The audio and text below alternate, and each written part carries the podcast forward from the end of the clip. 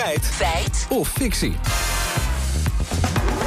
Dat gaat Lammert over algoritmes op sociale media. Ja, vanmorgen was Pieter Klok, hoofdredacteur van de Volkskrant bij Spraakmakers. En zijn krant wil absoluut niet actief worden op TikTok. En hij vertelt waarom dat algoritme is zo agressief. Al die algoritmes van die sociale media, daar kan je iets van vinden. Ze, ze, ze, leiden je toch in een fuik, hoe je het ook went of verkeerd. En, bij TikTok is dat mechanisme het sterkste. Oké, dat algoritme dat werkt het allerhardst bij TikTok. Ja, dat zoeken we uit. Marjolein Fokkema is hoofddocent aan de Universiteit Leiden... en gespecialiseerd in voorspellingsalgoritmes.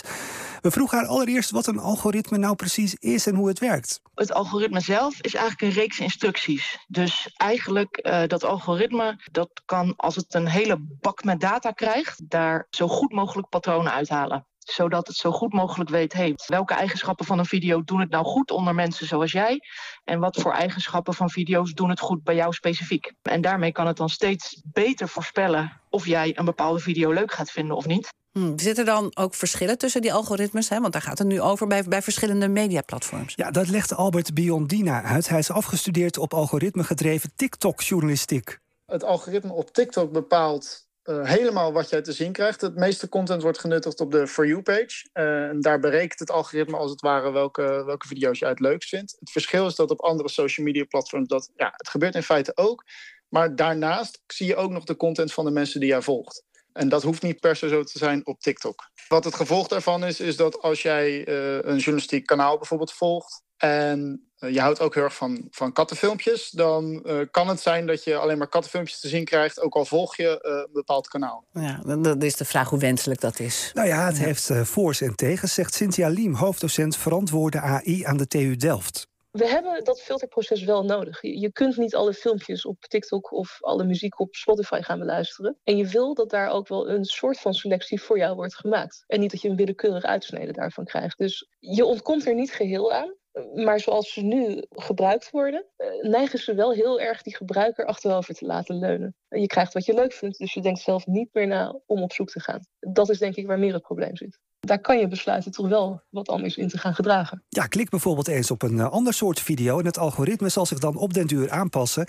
Er is trouwens ook Europese wetgeving voor algoritmes gekomen. TikTok-gebruikers hebben sinds vorig jaar de mogelijkheid om gepersonaliseerde video's uit te schakelen. Oké, okay, maar heeft Pieter Klok dan ook gelijk? Is TikToks algoritme is dat het sterkst? Ja, dat lieten we Biondina bepalen. Het klopt wat hij zegt, alleen het verschil is veel minder groot dan hij denkt. De meeste content die je ziet, die wordt bepaald door het algoritme. Terwijl je op Instagram ook nog uh, veel content die je ziet zelf hebt uitgekozen door mensen te volgen.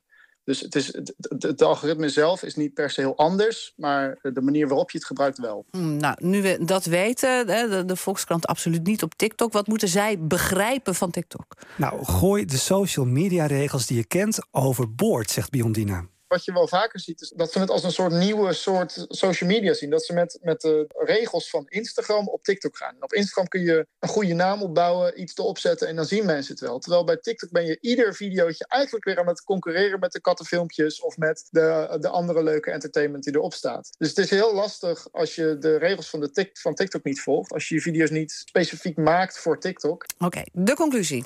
Pieter Klok zegt dat TikTok het, de, het sterkste algoritme heeft. Dat klopt. Op TikTok bepaalt het algoritme algoritme het meeste wat jij te zien krijgt. Op andere platformen heb je dat zelf meer in de hand.